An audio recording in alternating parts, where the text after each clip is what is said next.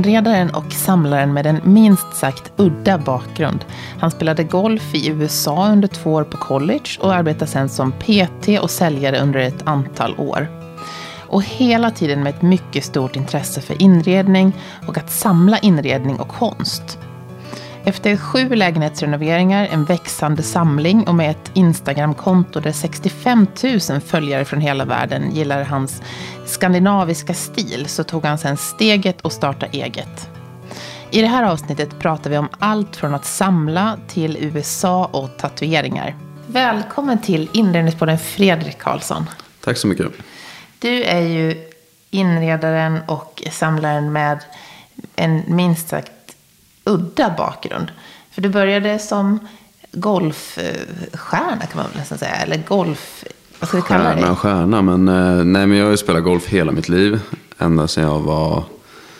Jag tror jag fick min, klubb, min första klubba i handen när jag var tre fyra år. Eh, Det har liksom legat i, min, i släkten. Eh, Sen så tog jag grönt kort kring 9-10, började tävla som 12-åring. Och det gick ganska, ganska rakt uppåt hela tiden. Sen så um, ja, spelade jag på högsta juniornivå i Sverige.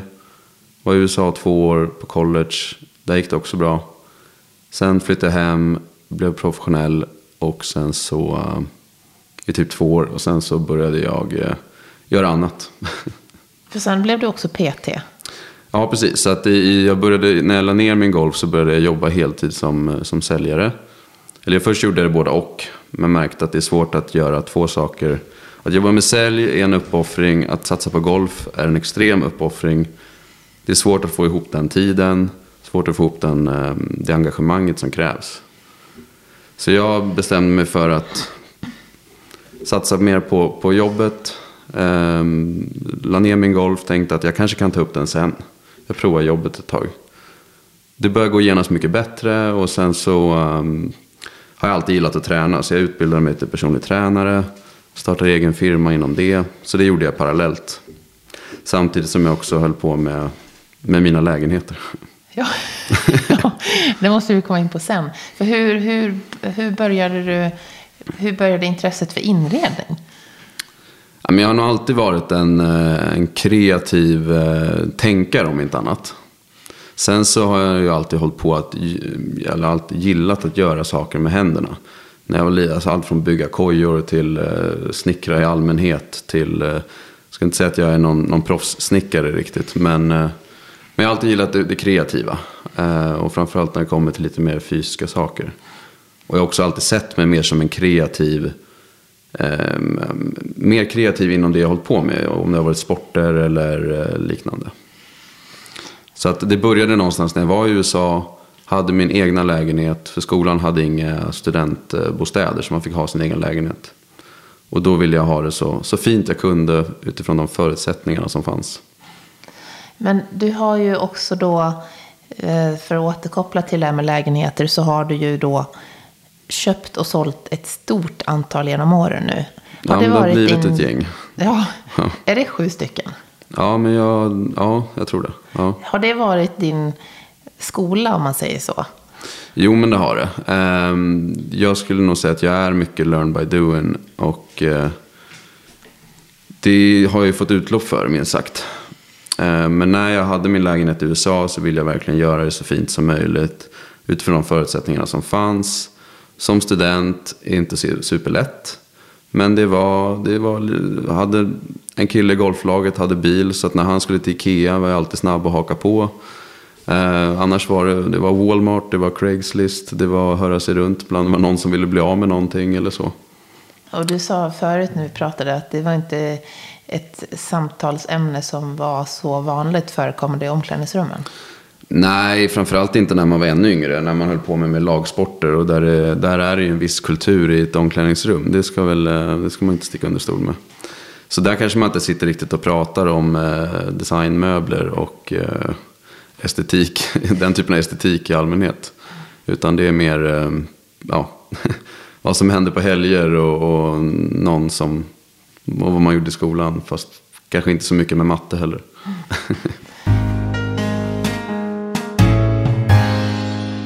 Du har ju en väldigt tydlig eh, känsla för vad du vill ha och inte. En väldigt tydlig stil. Eh, hur har du alltid haft det? Att du har känt att det här är vad jag vill ha. Det här vill jag inte ha. Ja, alltså min stil som jag har idag har nog blivit vad det har blivit. Men det är ju någonstans en summering över många års testande och experimenterande. Jag har nog alltid varit väldigt bestämd med vad jag tycker om och inte tycker om. Lite svartvitt så, koncept. Eh, ända sedan jag var liten. Envis med det, ger inte upp. Hittar jag någonting som jag vill göra, någonting som jag tycker om, då ger jag mig inte riktigt förrän jag har det.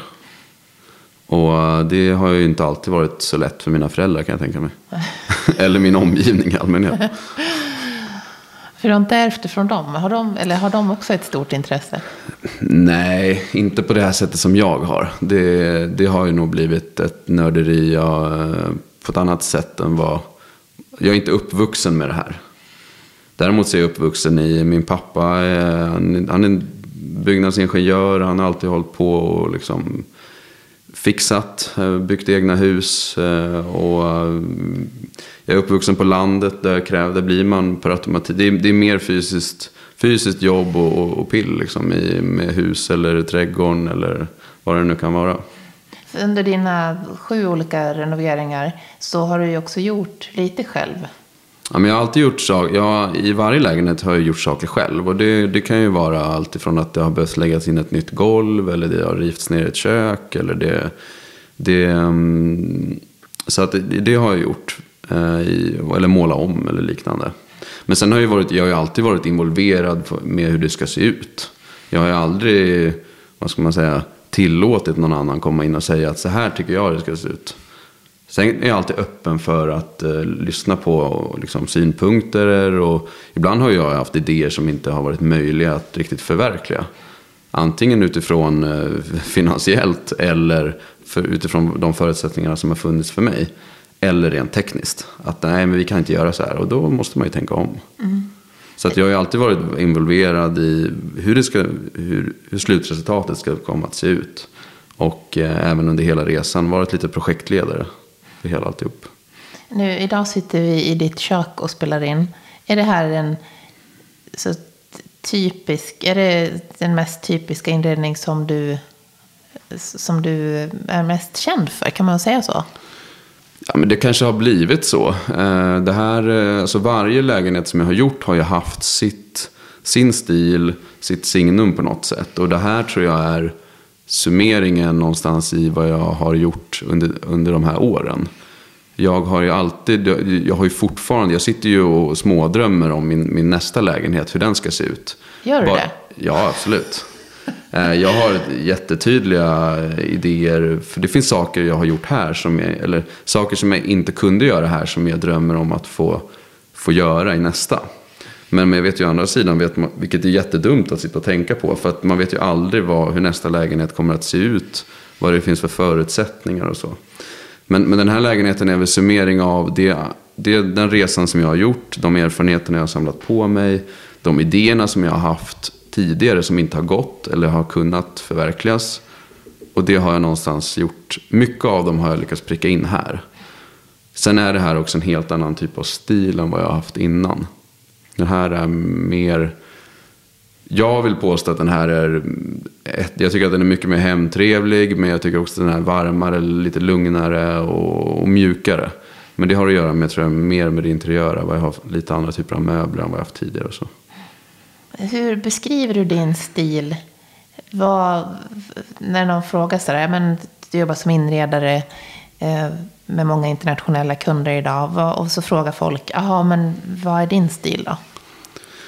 men jag skulle nog, alltså det skandinaviska kommer jag nog, det, det, det sitter ju så djupt inne någonstans. Att det är ganska rent, alltså rena linjer, jordnära färger och lite av det minimalistiska som skandinavisk stil ofta har. Eh, sen så har jag nog tagit steget lite mer emot det franska med lite andra typer av material. Jag eh, har inte riktigt tagit den mest konventionella stenen till mitt kök i, mot vad kanske många har i Skandinavien. Just för och jag älskar ju när det blir kontraster. Det, det är det är, det, det är något som jag vill att det ska, jag vill uppnå med saker och ting jag gör. Inte, inte för, att, för att det ska bli mer intressant. Och jag tycker att det blir väldigt många härliga möten. Och det blir inte heller så himla mycket by the book alltid.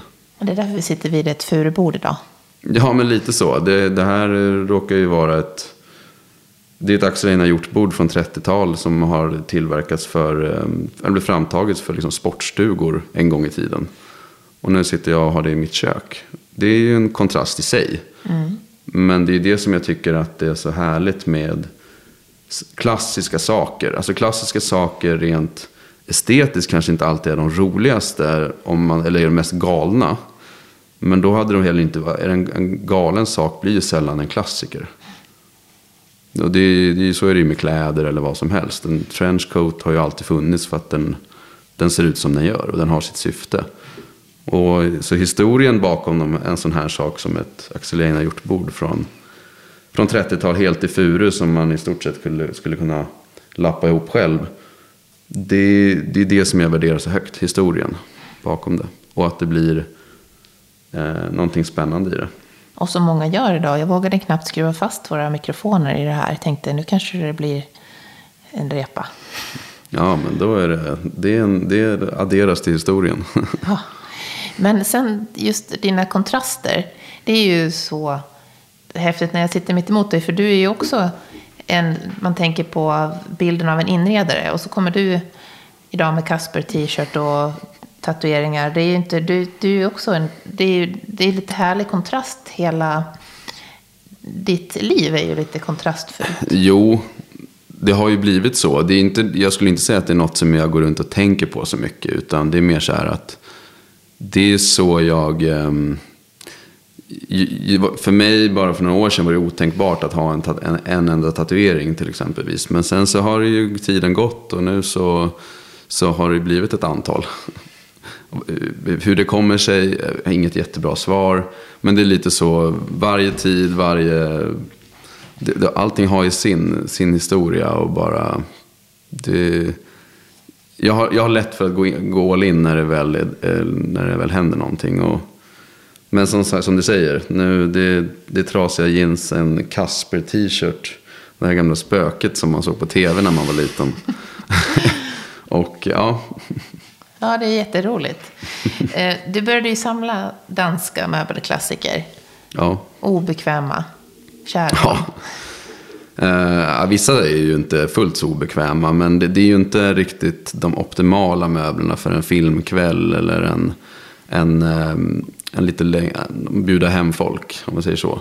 Jag hade dem ju, jag tyckte inte att de var så obekväma, men det var ju alla andra som satt i dem tyckte de var hemska. Uh, jag tror att jag kompromissade lite grann. Jag tyckte nog innerst inne att de också var väldigt obekväma. Men jag gillade ju estetiken. Jag gillade ju hur de såg ut och det gör jag fortfarande. Så att därav att, ja, de, de, blev ju lite, de blev lite mindre osköna för att de var så fina. Men sen samlade du också på klockor, eller samlar du fortfarande på klockor? Ja, absolut. Det är väl, ehm, det är inte ett intresse som jag har, vad ska man säga, lika offentlig med. Men det är ju, om inte ett ännu större intresse.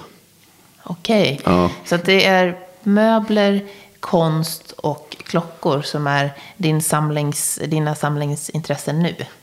Ja, det finns fler. Det finns, eh, det finns sneakers, det finns eh, mm, jeans är en sak jag samlar på. Ja, men lite udda t-shirts. Ja, nu så har jag snöat in väldigt mycket på böcker som har med min typ av inredning att göra eller konst jag gillar. Hur, vad är det som är så roligt med samlandet? Ja, men det, är, det är ju jakten efter de här grejerna. Och det, det, jag tror att många tror och missväxlar att allting har med vad saker och ting kanske kostar att göra eh, eller så. För mig, alltså, det är klart att många av de sakerna jag har, det, det finns ett, ett, högt värde i, i så. Men och det kan man väl heller inte förneka att det någonstans är en del av det hela. Men för mig är det mer, för mig spelar det ingen roll. Många av de, mina favoritkläder som jag har, det är sånt som jag har plockat upp i en second hand butik för 200 kronor. Bara för att det, den, är, den är så, det, jag, kan, jag känner att det, är ingen, det, är ingen annan, det här är ingenting som alla går runt med. Det är inget extremt på något sätt. Men det är också mer, man, man går in helt förutsättningslöst. Man hittar en jacka eller en t-shirt eller ett par byxor eller vad det än är. Och sen så kostar det 200 kronor och det, hade och det är lika, det är snyggare och det är mer, det, det faller mig mer i smaken än någonting som kostar 10 000. Då blir det genast en favorit och så är det ju lite grann här hemma också. Att jag, visst, nu har jag många klassiker och men, jag tycker, men för att det ska verkligen bli ett, en bra balans så är det viktigt att väga upp det med saker och ting som inte har vare sig samma prislapp eller, eller historia eller någonting. Mm. Så det är allt från lite vaser ifrån Myrorna till ja. Mm, Ikea. I, Ikea, ja. Ja. Men eh, du samlar ju väldigt mycket saker kan vi konstatera. Mm. Gör du dig av med dem också? Säljer du av eh, saker? För du har ju ändå väldigt, det är ju väldigt ordning och reda i dina inredningar. Jo, men där. Jag, mm, det finns väl en light-version av lite OCD kanske. Men samtidigt så, fast inte... Men det är klart, jag gillar ordning och reda och jag gillar att eh, ha det på ett visst sätt. Men um, jag har ju, jag är inte jättesentimental med mina saker. Och det, jag trodde att i början när jag fann det här intresset så trodde jag att jag skulle vara betydligt mer sentimental än vad jag är. Men när jag väl började sälja några saker för att jag behövde antingen få loss lite pengar till att köpa det jag verkligen ville ha istället så märkte jag att det inte är så farligt. Och väljer man att, att fokusera på vissa typer av saker så går det alltid att hitta dem igen. Sen är det ju vissa saker som är väldigt, väldigt svåra att hitta. Eller så, någonting man har kommit över eller kanske till och med fått som inte har samma typ av eh, ekonomiska värde men som faktiskt betyder någonting. Det kan vara att man har varit på en resa och så hittar man någonting. Eller man, man gick in i någon, för mig då, kanske gått in i något galleri och så Numera så blir jag ju lite igenkänd på vissa gallerier och då, då kanske jag får en bok som de har gjort eller någonting. Och det finns för mig så är det, det då kommer jag alltid komma ihåg det besöket med den boken. Så den boken kommer jag inte göra mig av med till exempel. Därför tycker jag att det är så härligt med böcker just. Och, och nu har jag haft lyckan att fått eller kommit över många unika exemplar av vissa böcker som är efter, eftersökta och eftersträvade. Så nu samlar du på böcker också? Ja, exakt. Det har ju blivit ett, ett, en, ytterligare en sak då, som tar upp mina kvällar. Men du, var hittar du alla saker? Um, nej, men det, har ju varit, det är mycket aktioner genom åren såklart. Uh, och sen så har man ju byggt upp någon typ av nätverk. Det är ju inte... Jag kanske inte har de mest Blocket-typiska sakerna. Men det är klart att i tidigare år tider så har det varit mycket köpa på Blocket och jag vet inte hur många gånger. Jag är ju rädd för att fråga min, min bror idag om hjälp när det kommer till att åka och hämta någonting. Ja. är han den som har varit räddaren i nöden? Han är den som har ställt upp eh, i vått och torrt för sådana saker. Eh, och inte alltid så har ju mina de sakerna vi har hämtat. Vi har åkt, korsat halva Stockholm eller ännu längre hämtat skåp eller ett bord eller vad det än är. Eh, dels för att jag behövde bärhjälp, dels för att jag behövde en större bil. Eh, och han eh, är både väldigt bärkompatibel men också har, har en större bil. Och sen så två dagar senare har jag inte ens den här saken kvar. Så oj, några sådana saker har det blivit några gånger. Vilket gör att jag är lite... Jag frågar honom alltid, men jag har full respekt för om han inte vill hjälpa han, till. Han delar inte ditt intresse för inredning? Nej, han, och sen så någon gång när han har fått höra att man kanske har gjort någon bra affär. Då, då, då brukar han ju säga att um, han vill ha en del av den kakan. Men, men jag tycker att jag bjuder tillbaka ändå. När ja. det kommer till uh, vissa saker. Det, han, han är en väldigt viktig person för mig. Och då är det, jag gillar att vara generös mot honom. När det väl kommer upp sådana saker. Där det, eller det finns möjligheter att vara det. Har du hjälpt honom med hans inredning? Ja, men han, eh, han har ganska nyligen köpt ny bostad han också. Så att jag jag har varit rätt involverad i det. Ja. Eh, och det skulle jag inte säga är som för att tacka för hjälpen genom åren. Utan det är mer för att han, han, han vill ju gärna rådfråga också. Mm. Det är alltid, sen är det alltid kul att hjälpa till.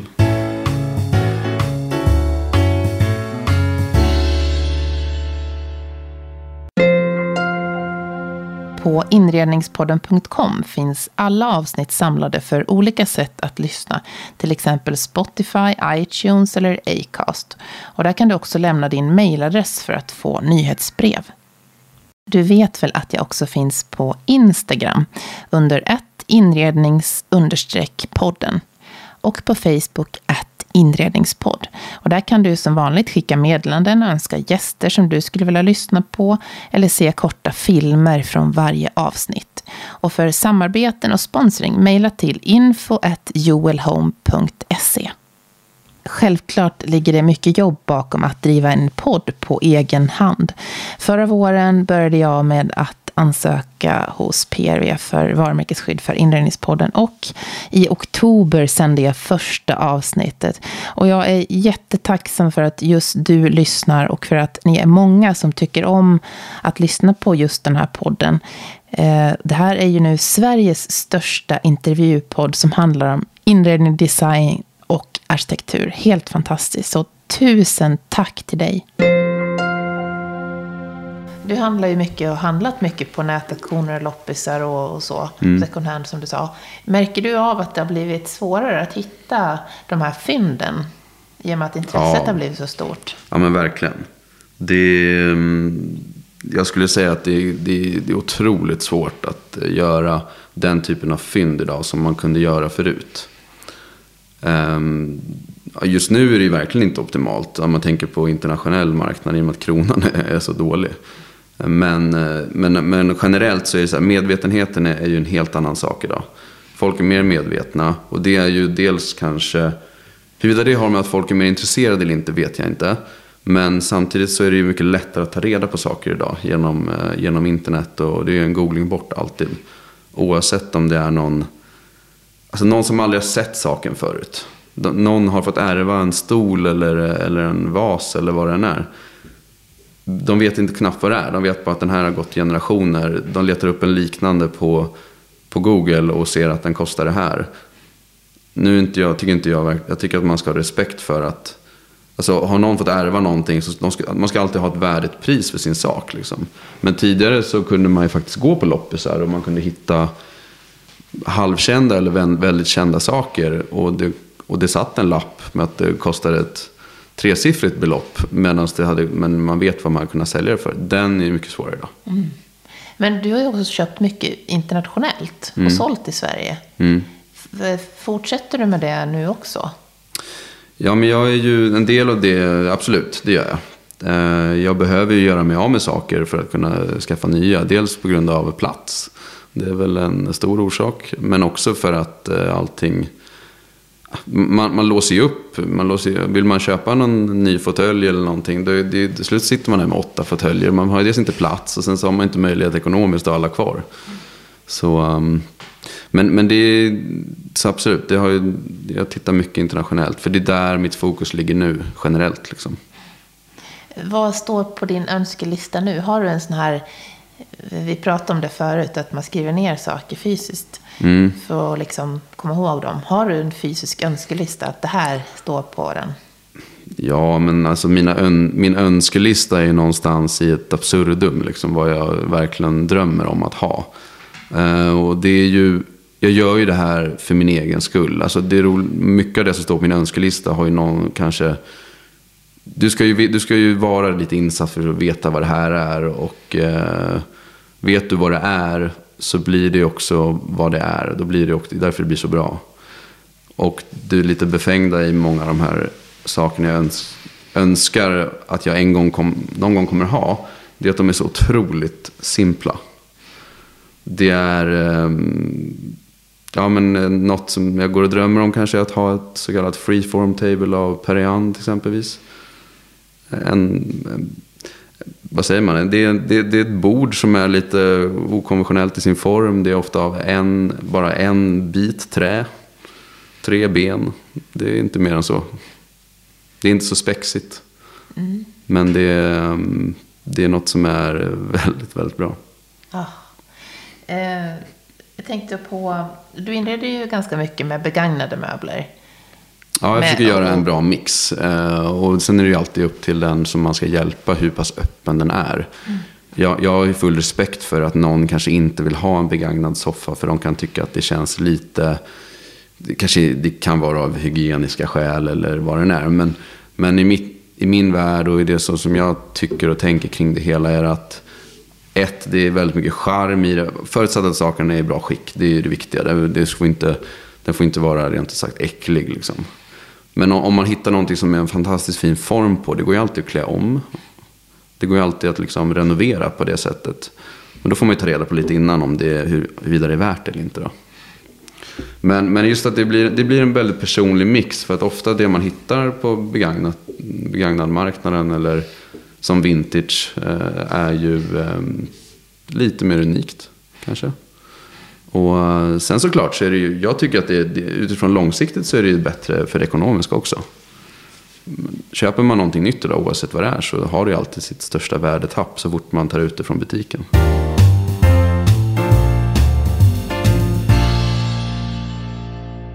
Nu har du gjort en riktigt eh, enormt snabb karriär som inredare under de senaste två åren. Hur, eh, när kände du att Nej men det här ska jag jobba med fullt ut nu?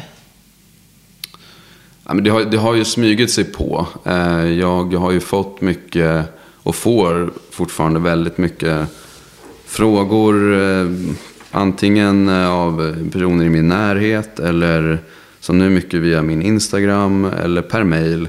Allt från att hej, jag har precis köpt en ny lägenhet, behöver, jag funderar på det här matbordet, så tycker du att det är fint? Skickar folk sådana? Ja, absolut. Och det, det, det är ju väldigt smickrande att de hör av sig och vill ha min åsikt.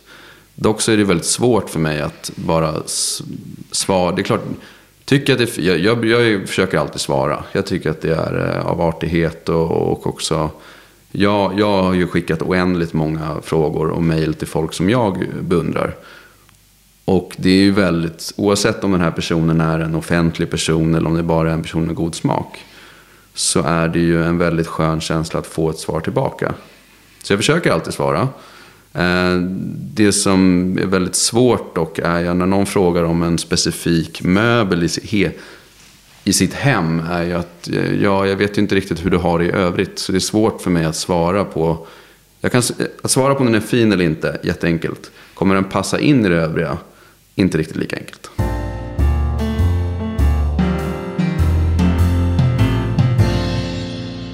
Måste ju också prata om just Instagram, för det har ju efter, den kanalen har ju haft en jättestor betydelse för, för ditt yrke, yrkesval överhuvudtaget. Jo, men det har det ju. Ehm, det, jag har ju alltid... Sen jag flyttade hem från USA så var jag ganska snabb med att skaffa min första lägenhet. Och där fick jag utlopp för det som jag verkligen på riktigt tyckte om. Och det är ju det här. Att göra, köpa någonting, se vad jag kan göra med det, göra om det. Sen har det ju blivit som det har blivit att jag är lite för otålig. Att eh, när jag väl har varit klar så har jag ju bara... Då vill jag göra nästa projekt. Och då så har det inte blivit att jag har bott så länge. Jag har ju bott... Alltså, den största delen av tiden jag har bott i varje lägenhet har ju varit under ett byggkaos. Så jag har okay. alltid, jag har alltid, själva byggkaoset har ju alltid varit längre än tiden jag har bott i ett färdigt hem. Uh, och, och, det kanske jag inte, jag är inte jättepepp på det igen. Men som jag sa, jag ju ändå drömmer om uh, och tänker hur mitt nästa hem ska se ut. När det blir det vet jag inte. Men, men sen har du visat upp det på Instagram. Ja, precis. Så jag tog ju... Jag började göra det mer flitigt för kanske två, tre år sedan att dokumentera lite för skojs skull, kul att ha kvar för mig själv, men också mm, som, som, sagt, att komma från idrottsvärlden, vara mer utav det här, ha de här typerna av intressena. Det är inte det, är inte, det, är inte liksom det mest vanliga samtalsämnet, det är inte riktigt det mest vanliga intresset. Eh, så jag, jag, jag, bestämde mig bara för att nej, nu kör jag på det jag gillar. Och eh, det har ju uppskattats eh, och det har tagit mig hit där jag är nu. Och det är jag väldigt, väldigt glad och stolt över. Eh, men jag känner att resan har ju bara börjat. Ja. Och det köket vi sitter i nu, du visade mig hur många som hade sparat ner en bild av det här köket. Det var ju också sådär sanslöst många som tycker att wow, det här är deras ja. drömkök säkert. Ja, jag får ju an... Det... Jag la upp någon bild. Jag själv var inte...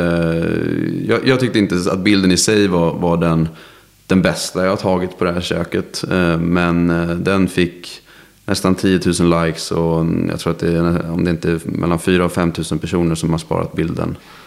Och den har väl eh, exponerats till 170 000 människor någonting kanske. Ja, det är ju helt otroliga siffror. Ja. Men, och det roliga är att du tar ju alltid dina bilder med mobilen. Ja. Så det är också sådär att och så har du, är det 60, över 60 000 som, som följer dig nu på Instagram. Ja, det har runt 62. Ah. Det växer ju hela, hela tiden. Och det, jag, just det tycker jag är, för mig, och ganska viktigt att poängtera. Jag är inte... Jag, jag, det är klart att jag, jag bryr mig och jag påverkas som de allra flesta kring respons och sånt man får på sin Instagram. Men det här är någon, alltså jag driver ju min Instagram som en, någon slags CV vad jag, vad jag gör, men också av 100% passion. Alltså, och jag, så att jag, jag sitter ju inte och har en, jag planerar ju inte vad jag, vad jag gör riktigt. Det kan gå, ibland kan det gå några dagar utan att jag gör någonting, men, men jag kan ju ofta ha en, jag kan också ha en streak på där jag är väldigt aktiv under en period, en längre period. Det roliga är också att du har fått så mycket utländska eh, kunder tack vare Instagram. Så det måste ju vara en väldigt bra marknadskanal. Så. Jo, men det är det. Absolut. Eh, och det märkte jag ju under min, min tid som PT. Att jag fick ju många, då hade jag ju ett, då drev jag mitt konto med, med mer, mycket mer träningsfokus. Jag, och jag tror att de som följer mig ser att jag tränar en del och jag lägger upp en del när jag tränar och så. Eh, och det är en viktig del för mig och det är fortfarande en stor del av mig.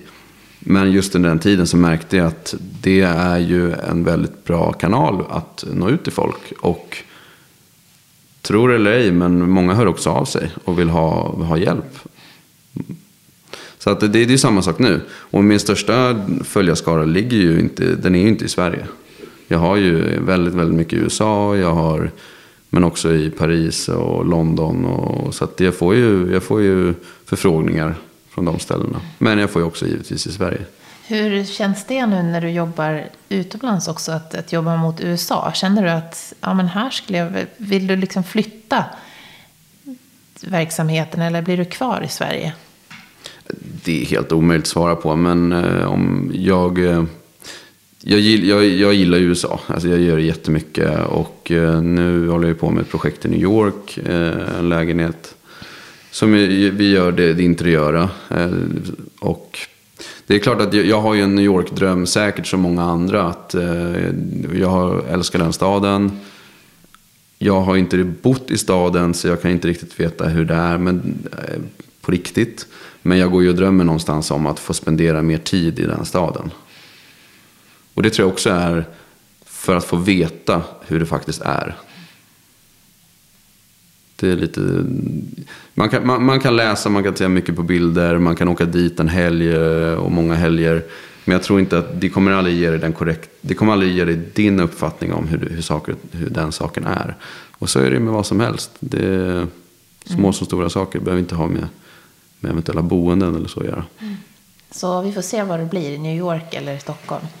Ja, alltså, jag, ja men jag, jag kan ju få för mig någonting ibland och bara, nu gör jag det här. Men det är klart att det är svårt att, boende är ju lite mer komplex sak än att helt plötsligt eh, byta inredningsstil. Eller vad det nu är. Det här med eh, när kunden säger, de har sett dina bilder och ser att ja, men så här vill vi också ha det. Vi vill också ha den här känslan. Mm. Och så säger de till dig, ja, men vi vill ha exakt så här. Mm. Vad säger du då? Ja, först och främst är det ju såklart ett drömscenario. Men det är också ett scenario som också är väldigt svårt. För min stil är min stil. Och min stil är ju hela tiden i rörelse på något vis. Alltså, jag tror att så, så tror jag att det är bland många lite mer kreativa människor. Att man, man använder sig själv, sig själv är ju sitt bästa experiment. Jag går ju och flyttar grejer här hemma på en halvmanisk, halvmanisk plan och ser hur, huruvida någonting, blir det snyggare om jag ställer i den här vinkeln eller vad, och, och testar mig fram hela tiden. Även om jag tror att jag förmedlar känslan på min Instagram att det ser likadant ut jämt så, så gör det inte det. Sen gör jag inte helt, jag flyttar inte ut sängen i köket och provar att ha den där. Men, Men, eh, men, men just att få det, den, den eh, förfrågan att vi vill ha det exakt så som, som, som du gör. Det är ett drömscenario men det är också ett väldigt svårt. För att det är alltid lättare om någon sätter lite ramar. Och det, det, är också, det är ungefär som att man skulle skissa sin drömlägenhet. Men det finns inga, det finns inga det, det fin, väggarna finns inte, fönstren finns inte. Man måste placera ut allt själv. Det, det, det är ju det är som att hålla på i oändlighet. Liksom. Det är bättre att det finns tydliga ramar. Vi gillar de här färgerna eller vi, det här, vi gillar din stil men det här, den här möbeln, oavsett vad det är, den vill vi bara ha. Vi har gått och drömt om den, nu har vi rätt ställe för den, tycker vi. Då, då har man ju någonting att gå på. Okej, okay de vill verkligen ha den här, det här bordet. Då, då blir det lite lättare.